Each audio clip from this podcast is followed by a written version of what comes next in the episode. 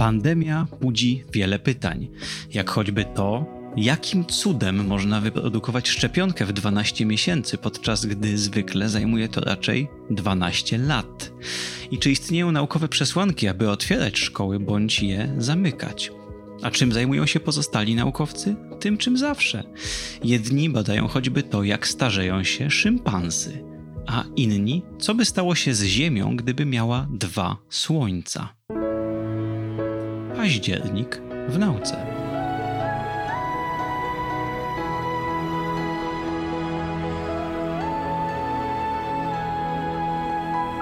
Podcast powszechny. Weź, słuchaj. Cześć i czołem, dobrzy ludzie, z tej strony Łukasz Szlamża i jestem z wami, żeby jak co miesiąc zajrzeć przez ramię naukowcom, czym też oni się zajmują. Zwykle nie opowiadam o tym, co dzieje się na froncie walk z koronawirusem, a tak sobie jakoś pomyślałem parę miesięcy raz temu, że o niczym innym nie słuchacie i nie słyszycie, ale od czasu do czasu aż kusi, żeby pewnych rzeczy nie skomentować. I oto pojawiło się właśnie coś takiego. W czasopiśmie Nature z datą 22 października 2020 roku ukazał się artykuł przeglądowy na temat szczepionek przeciwko wirusowi SARS-CoV-2 czy też jeśli chcemy identyfikować szczepionki po chorobach, no to szczepionek na COVID.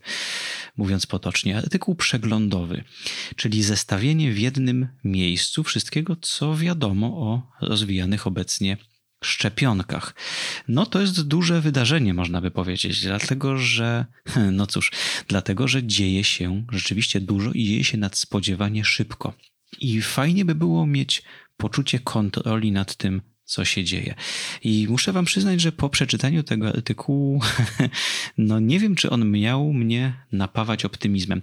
Autor y, Florian Kramer, mikrobiolog y, pracujący przy szczepionkach, mm, hmm, no on sam pisze, że wyniki badań napawają go ostrożnym optymizmem. Więc takie jest zdanie samego autora. Natomiast czy to, co on przytacza, rzeczywiście ten optymizm uzasadnia? No cóż, no przejdźmy może po kolei przez kilka elementarnych y, faktów. Szczepionek rozwijanych obecnie na świecie jest mnóstwo. Rozwija się mnóstwo różnych szczepionek y, na COVID, takie, takiego będę używał zwrotu.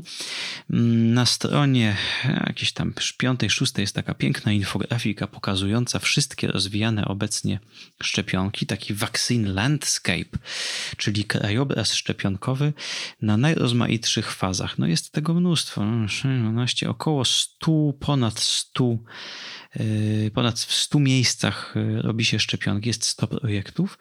Y, część już z nich w fazie klinicznej czyli w tej fazie przygotowawczej do sprzedaży, do podawania ludziom. W fazie pierwszej, a tak na oko po tej infografice jest 20, w fazie pierwszej, drugiej, czyli na, na przełomie faz, tak gdzieś z 15, faza druga dwie sztuki, faza trzecia, aż sobie policzę, 2, 4, 6, 8, 12 projektów szczepionek. Dwie licencje już, już podawane, ale eksperymentalnie. Jedna żołnierzom w Chinach, jedna w Rosji. Ok, czyli tak, krajobraz jest taki, że mamy już no 12 szczepionek w fazie trzeciej badań klinicznych. No może szybciutka powtórka, co to znaczy. No cóż, zanim jakiekolwiek lekarstwo, jakąkolwiek interwencję terapeutyczną dopuści się do obiegu w medycynie, musi ona przejść przez badania tak zwane kliniczne. I zwykle się je dzieli na trzy fazy.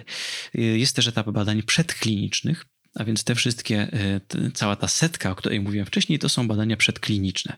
Cóż to za badania? No. Czy to w ogóle ma sens? Y, co atakować? Co jest tym celem terapeutycznym? Y, wstępne badania na komórkach, wstępne badania na organizmach żywych innych niż ludzie. To wszystko to są badania przedkliniczne. Mm, wiele z tego mamy już za sobą. Wiemy mniej więcej, jaki element nowego koronawirusa nadaje się jako cel szczepionki. To jest białko S, y, czyli to białko występujące na jego powierzchni. Czasami atakuje się tak jakby y, jako swój cel terapeutyczny mały fragment tego białka. Tak czy inaczej, to już zasadniczo wiemy, mm, jakimi metodami możemy tworzyć szczepionki. A to, to, to jest ten etap badań przedklinicznych. Cóż mamy dalej? No faza pierwsza to są badania wstępne na małych grupach ludzi, eksperymentalne, żeby zobaczyć przede wszystkim, czy to ma elementarne bezpieczeństwo. Czyli czy nie wywołuje to jakichś dramatycznych skutków ubocznych i czy ma choćby minimalną skuteczność. Czyli faza pierwsza y, to jest takie no, elementarne testowanie tego, czy, czy to w ogóle ma ręce i nogi, czy to działa, czy jest w miarę bezpieczne. Faza druga to jest testowanie już tego na większych grupach, czyli o ile faza pierwsza, no to powiedzmy sobie tam nawet 10, 15, 20 osób czasami się zdarza, no w fazie drugiej wchodzimy już w dziesiątki, setki czasami osób i testowane, no dalsze testowanie bezpieczeństwa, ale też na przykład dawkowanie. Dawkowanie w różnych grupach wiekowych, czyli staramy się wyprodukować jak najskuteczniejszy lek bądź też szczepionkę. Faza trzecia, ona no, w zasadzie jest kluczowa, dlatego że w fazie trzeciej wypuszczamy już nasz y, proponowany produkt na, no cóż, można powiedzieć, na, na szerokie wody, dlatego że testujemy go już na tysiącach osób. Mm, dlaczego? No, dlatego, że to ma być bezpieczne w kontakcie z tysiącami, milionami osób. W związku z czym no nie wszystko da się przewidzieć na podstawie próbki kilkudziesięcioosobowej. Ludzie są różni.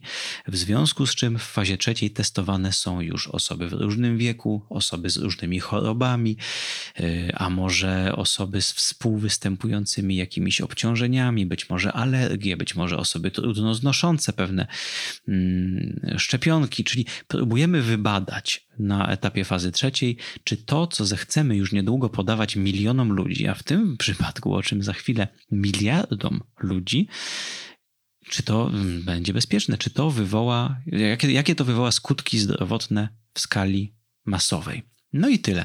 I po y, fazie trzeciej następuje ocena. Tym się zajmują jakieś y, odpowiednie y, instytucje regulujące to. W Stanach to jest FDA, FDA, w Europie to mamy EMA, EMA. Tak czy inaczej, no, potem mamy ocenę. No i tak. To wszystko zajmuje przeciętnie 10-15 lat. Autor tego artykułu pisze na, na, na drugiej stronie, w takiej innej dużej infografice, 15 lat lub dłużej. Zajmuje to typowo. No a pod spodem mamy taki, taką, czyli tradycyjny rozwój szczepionki 15 lat lub dłużej, a poniżej mamy taką bliźniaczą infografikę, rozwój szczepionki y, przeciwko SARS-CoV-2 10 miesięcy do 18. Hmm. No interesujące, prawda? Jak to jest możliwe? No i cóż, jak to jest możliwe? To jest dobre pytanie. E, kiedy przyjrzeć się temu, w jaki sposób jest to tu opisywane, to, to, to, jest, to, to wychodzi na to. Etap badań przedklinicznych został tutaj skrócony z lat do miesięcy, czyli ten etap eksploracyjny, tutaj jest napisane miesiące. I tu trzeba przyznać, że jak dotychczas społeczność medyczna w dużym stopniu się z tego wywiązała. Tak jak już mówiłem, no mamy, mamy 6-7 takich głównych metod robienia szczepionek. Y, te celujące w białko, o których już mówiłem, y, celujące w kod genetyczny wirusa. Mamy to już mniej więcej posprawdzane. Między innymi dzięki temu, że kilka lat temu mieliśmy na próbę tworzenie, tworzenie szczepionek przeciwko SARS-owi, temu poprzedniemu i przeciwko MERS-owi. Były już projekty tworzenia szczepionek przeciwko bardzo zbliżonym wirusom do y, naszego obecnego korona. W związku z czym mamy już ten etap eksploracyjny niejako za sobą. Oszczędziliśmy kilka lat, bo nie startowaliśmy od zera, plus no, wysiłek naukowców był jest gigantyczny. Ok, przypuśćmy, że dochodzimy do tego etapu badań klinicznych, który wciąż, jak e, piszą, e, pisze autor, no, przy 5 do 7 lat zajmuje typowo, a tutaj mamy napisane months miesiące. No jak to, jak to możliwe? No i to, ten etap, e, znaczy to jest dosyć mętne, powiem zupełnie szczerze. Mm, Tutaj zostało to opisane w ten sposób, że w przypadku tego przyspieszonego procesu etapy badań klinicznych, te fazy badań klinicznych na siebie zachodzą. Czyli tak, tradycyjnie przeprowadzamy etap pierwszy, zamykamy etap pierwszy i czekamy na ocenę. I ten, e, to jest oceniane przez różnego rodzaju komisje, instytucje i oni dopiero decydują, czy to się nadaje do fazy drugiej. Czekamy. czekamy z opinią. Tutaj ten, te etapy na siebie już nachodzą, czyli firma farmaceutyczna rozwijająca daną szczepionkę przeprowadza etap pierwszy i już w tym samym czasie zaczyna przeprowadzać etap drugi. Potem jeszcze przeprowadzając etap drugi, już zaczyna przeprowadzać fazę trzecią, etap trzeci. Ha, można by się zastanowić, no dlaczego nie czekają na ocenę? No, nie czekają na ocenę, no oczywiście, żeby przyspieszyć, natomiast logika tego jest taka, że w każdym momencie można przerwać, czyli gdyby no, później oceniamy ten, tę, tę fazę pierwszą i gdyby się okazało, że jest z jakiegoś powodu niezadowalająca, teoria mówi, że przerywamy etap trzeci, który w zasadzie mógłby w tym czasie już trwać, mimo że nie oceniliśmy etapu pierwszego. Za chwilę to skomentuję, ale tu jeszcze są ciekawsze takie kwiatki, mianowicie y, w tradycyjnym modelu mm, po skończeniu y, badań klinicznych jest ocena, która trwa 1-2 lata i później dopiero jest produkcja i dystrybucja, co też zajmuje masę czasu. No, w nowym modelu dla mm, nowego koronawirusa produkcja, i to jest zaznaczone, że jest z ryzykiem dla firmy farmaceutycznej, zaczyna się już w czasie badań klinicznych. Czyli nie wiadomo jeszcze, czy to działa, czy jest skuteczne, czy jest bezpieczne, ale producent zaczyna już to produkować. No i dopiero potem jest to zgłaszane do oceny i jeżeli ta ocena będzie pozytywna, to sprzedajemy, jeżeli nie, no to cały ten wysiłek firmy farmaceutycznej idzie na marne. Wyrzucamy wyprodukowane szczepionki, wszystkie badania kliniczne poszły w gwizdek. No i okej, okay. taka jest teoria. No, Jaka jest praktyka? No to budzi wątpliwości z kilku y, powodów i autor tego artykułu tak o tym napomina, wspomina o tym dość no niefrasobliwie, ale no to jest przecież oczywiste.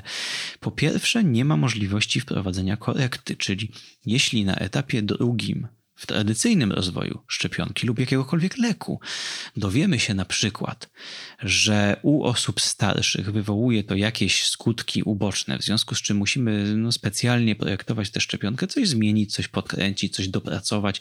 Może nie samo dawkowanie, ale na przykład inny adiuwant, czyli ten dodatkowy składnik szczepionki. Być może, mm, być może w czasie projektowania tych szczepionek też jest, jest oczywiście całe pole manewru. Być może trzeba by nieco inaczej ją zaprojektować. No, w modelu koronawirusowym niemożliwe jest uwzględnienie tych informacji, dlatego że to już później trwa etap trzeci na produkcie, który no, został opracowany wcześniej.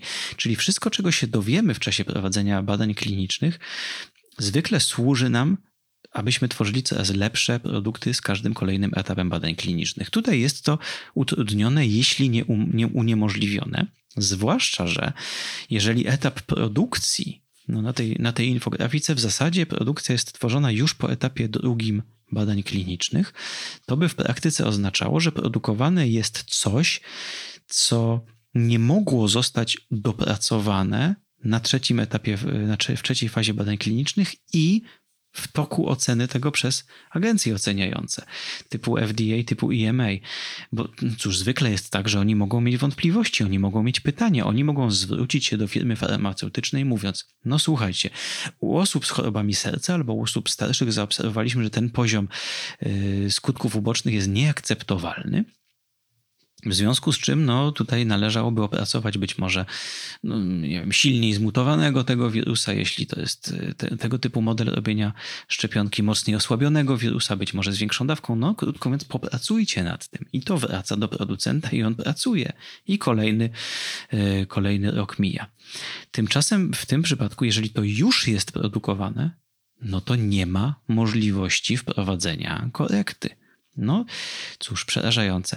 Późniejszy ten etap, y, skrócenie e, e, etapu oceny z dwóch lat do dwóch miesięcy, to akurat tego bym się najmniej czepiał, mm, tak na, na, na pierwszy rzut oka, dlatego że, no cóż, to jest kwestia kolejkowania czasami, czyli to nie jest tak, że sama ta ocena musi zająć dwa lata, być może tyle trwa oczekiwanie na ocenę na długiej kolejce, więc to ewentualnie można przyspieszyć po prostu y, kreatywnie kolejkując. Natomiast y, drugi taki problem i o nim w ogóle tutaj nie ma mowy. To jest tak napisane, że producent ponosi ryzyko.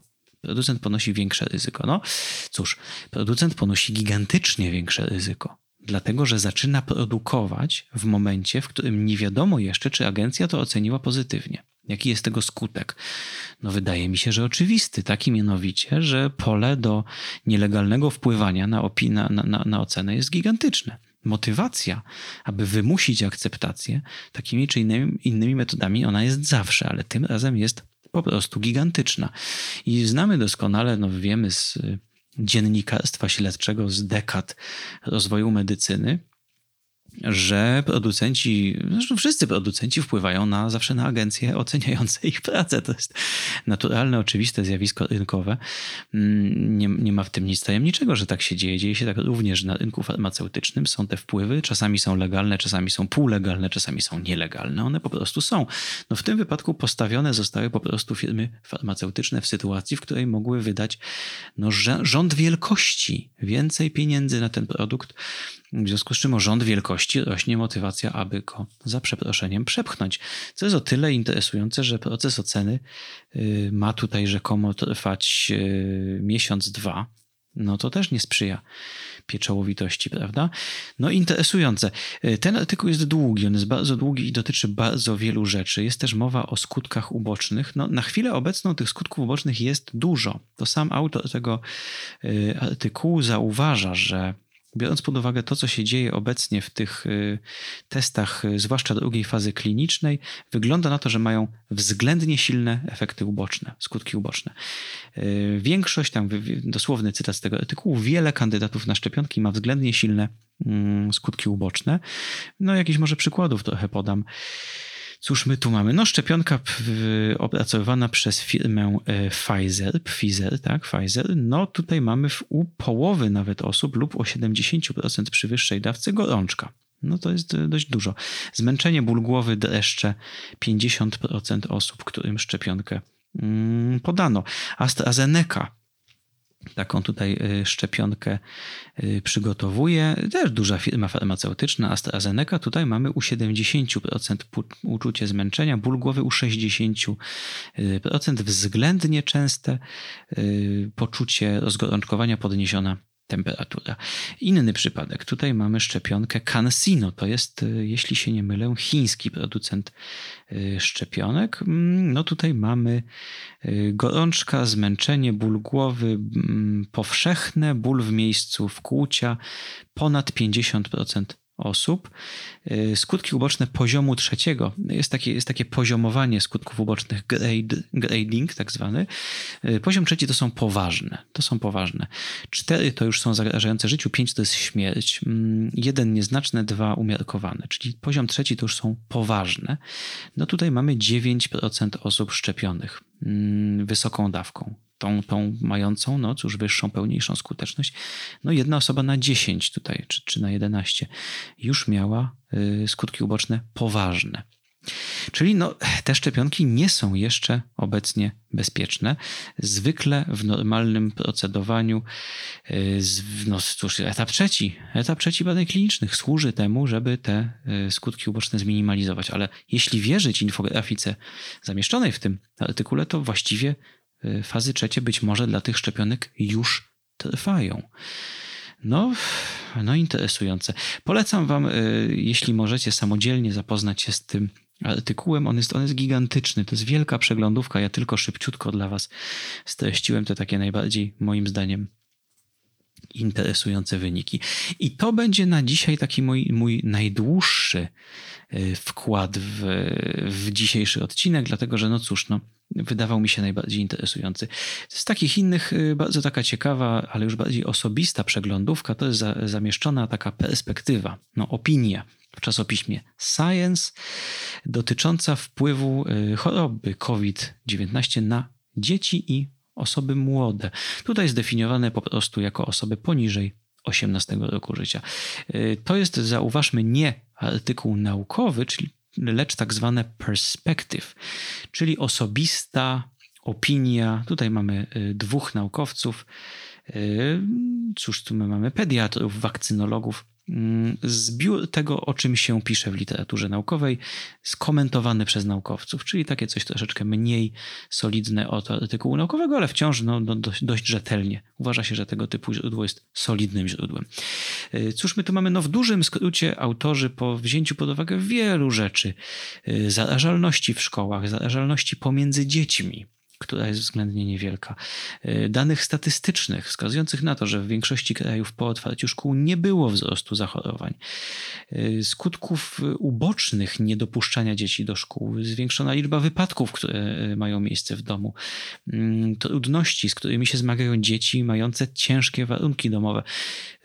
Wiele, wiele różnych czynników wziętych tutaj mm, pod uwagę utrudniony dostęp do opieki medycznej, y, zwiększona częstość być może. Problemy zdrowotne i zdrowia psychicznego są już niemal na pewno występują, natomiast bardzo ostrożnie się donosi, że w Anglii być może wzrósł współczynnik samobójstw u y, młodych y, ludzi.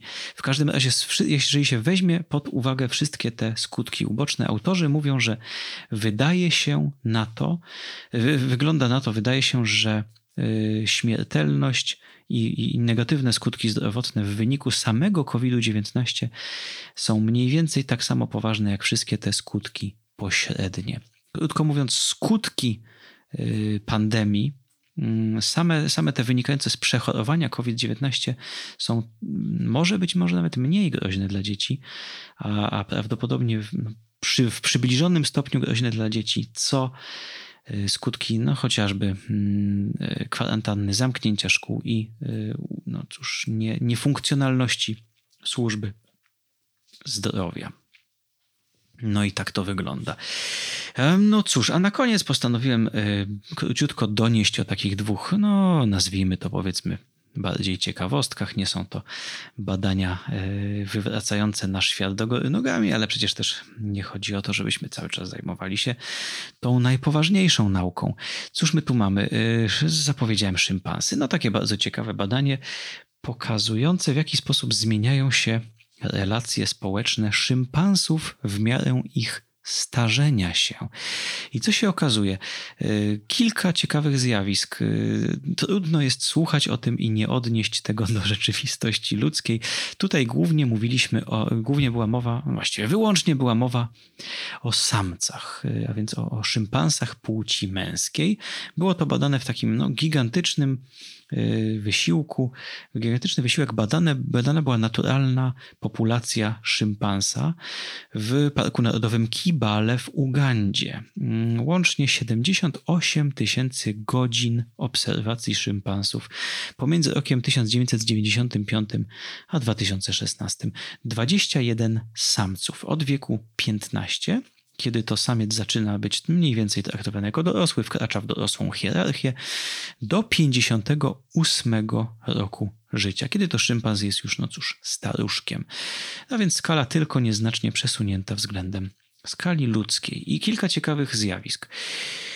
Po pierwsze, z wiekiem maleje liczba przyjaźni jednostronnych. Jak jest definiowana przyjaźń u szympansów? No, w tym przypadku y, głównie bliskością cielesną, które szympansy lubią przebywać w swoim pobliżu, no, przede wszystkim po to, żeby się iskać, czyli grzebać sobie nawzajem w futerku, wyławiać robaki no, smyrać się, mówiąc po naszemu, to świadczy o bliskości i szympansy lubią wymieniać się iskaniem jako pewnego rodzaju walutą społeczną. To świadczy o, o pewnego rodzaju bliskości. No więc młode szympansy wchodzą często w relacje jednostronne, czyli powiedzmy sobie jakiegoś tam konkretnego innego samca iskają, ale nie są przez niego iskane.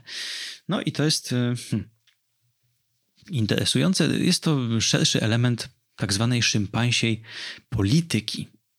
Można, no, można chyba mówić nawet o czymś takim jak szympansia polityka.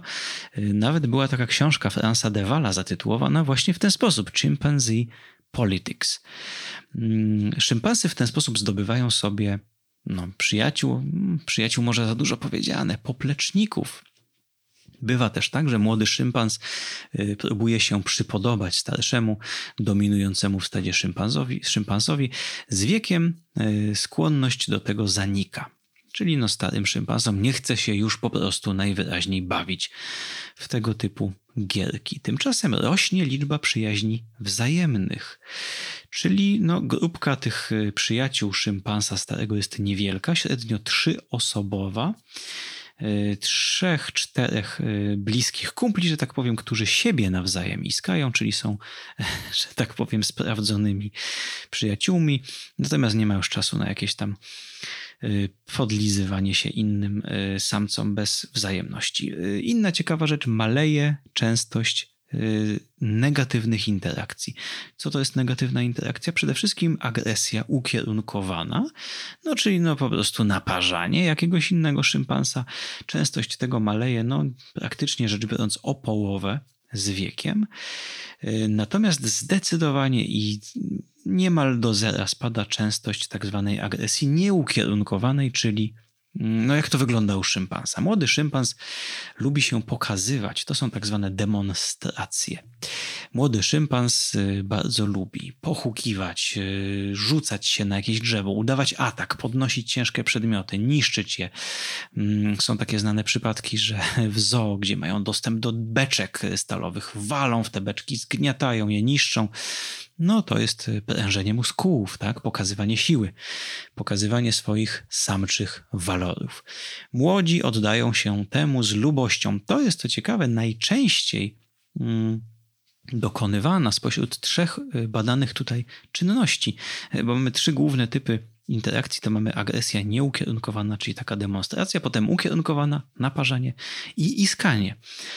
I młody młody szympans y, zajmuje się tymi trzema czynnościami właśnie w tej kolejności, czyli demonstrację, naparzanie i skanie. Tymczasem u starego szympansa to się dokładnie odwraca. Najczęściej iskanie, rzadziej agresja ukierunkowana, a najrzadziej nieukierunkowana. Co ciekawe, tutaj o tym nie ma mowy w tym artykule, ale to jest znane zjawisko, że Stare szympansy lubią czasami się wtrącać w nie swoje sprawy y, w takim celu, no powiedzmy troszkę politycznym. To by była ta mm, agresja ukierunkowana. Zdarza się, że są wręcz mm, zachęcane, naganiane do rozwiązywania cudzych konfliktów. Ma to miejsce zwłaszcza wtedy, kiedy szympans jest dość wysoko postawiony w stadzie tego typu szympans bywa czasami no, angażowany lub sam się angażuje w cudzy konflikt. No, po prostu rozdziela bijących się, staje między nimi. Działa, no. Działa w społeczeństwie. No i tyle. Artykuł dotyczył głównie tego, czy, e, czy, jakie są podobieństwa i różnice pomiędzy ludźmi. No, e, z grubsza potwierdziło się to, że i u ludzi, znaczy u ludzi i u szympansów występuje bardzo podobny, tak zwany, to się technicznie nazywa Human Social Aging Phenotype, czyli y, fenotyp y, starzenia się społecznego jak zachowują się osobniki starzejące się. Jest tak też u ludzi, gdybyście się zastanawiali statystycznie. Osoby starsze mają mniej, ale silniejszych przyjaźni, mają mniejsze sieci społeczne, ale o silniejszych więzach i mają również e, większą skłonność do zachowań pozytywnych niż negatywnych, co ciekawe.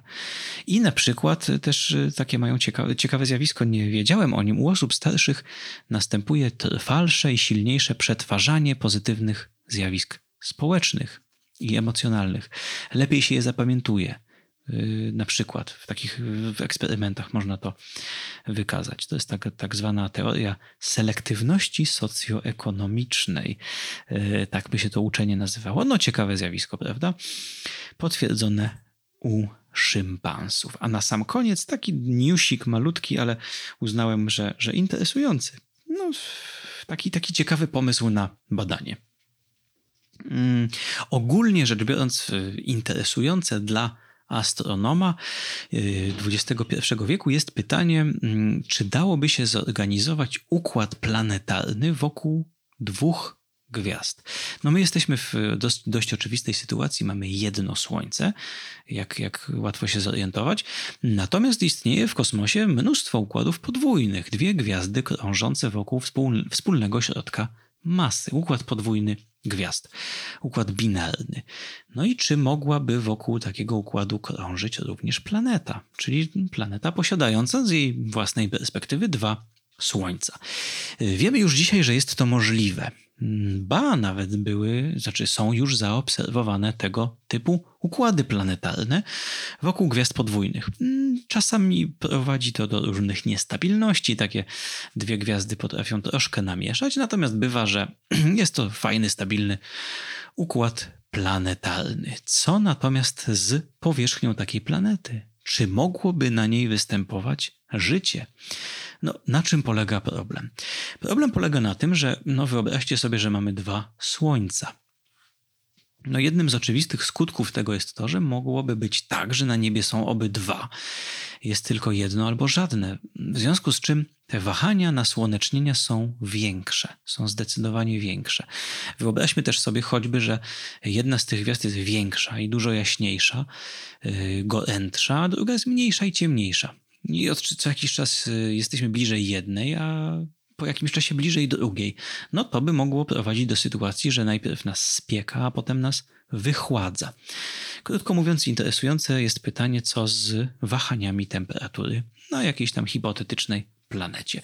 I autorzy naszego dzisiejszego artykułu zrobili rzecz względnie prostą, ale muszę przyznać, że, że ze sporą fantazją, a mianowicie wzięli naszą planetę a właściwie to jej wersję komputerową, y, posłużyli się dokładnie tym samym modelem klimatycznym, którym posługują się klimatolodzy, modelujący choćby y, zmiany mm, występujące na naszej planecie, a więc bardzo, bardzo szczegółowy model naszej planety.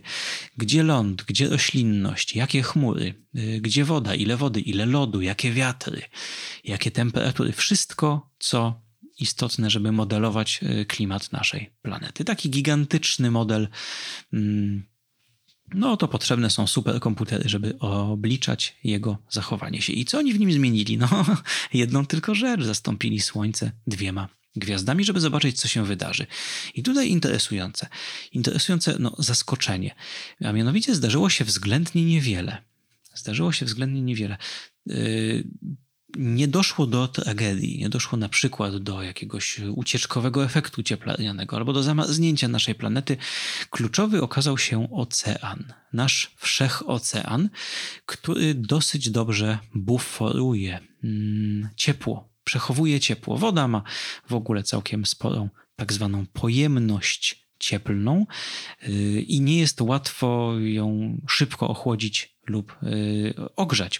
W związku z czym na planecie suchej te różnice temperatur byłyby gigantyczne. Zresztą nawet na Ziemi, która no, Wszechocean pomaga lądom w utrzymaniu stałej temperatury, ale w tym modelu udało im się uzyskać nawet niemalże 80-stopniowe temperatury na Saharze.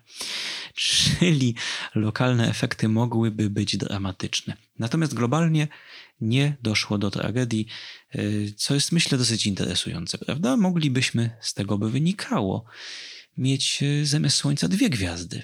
I, y, i, i wygląda na to, że nie doszłoby do jakiejś tragedii z punktu widzenia no, takiego planetologiczno-klimatologicznego. No i tyle, i tyle. Dziękuję, że byliście ze mną na tym naszym przeglądzie październikowej prasy naukowej. Dwie rzeczy e, szybkie, ważne, bieżące, dwie rzeczy, no, można by chyba powiedzieć, ponadczasowe. E, dzięki, że byliście ze mną i do usłyszenia za miesiąc, kiedy to będziemy czytać sobie listopad w nauce. Ja nazywam się Łukasz Lamża i życzę Wam miłego dnia, wieczoru, nocy, poranka, czy gdzie Wy to tam też jesteście w tej Waszej czasoprzestrzeni. Pa, pa. Jeśli słuchają nas Państwo w Spotify albo w Apple Podcasts, zasubskrybujcie nasz kanał. Jesteśmy też w Google Podcasts i w aplikacji Lekton oraz na www.tygodnikpowszechny.pl/podcast.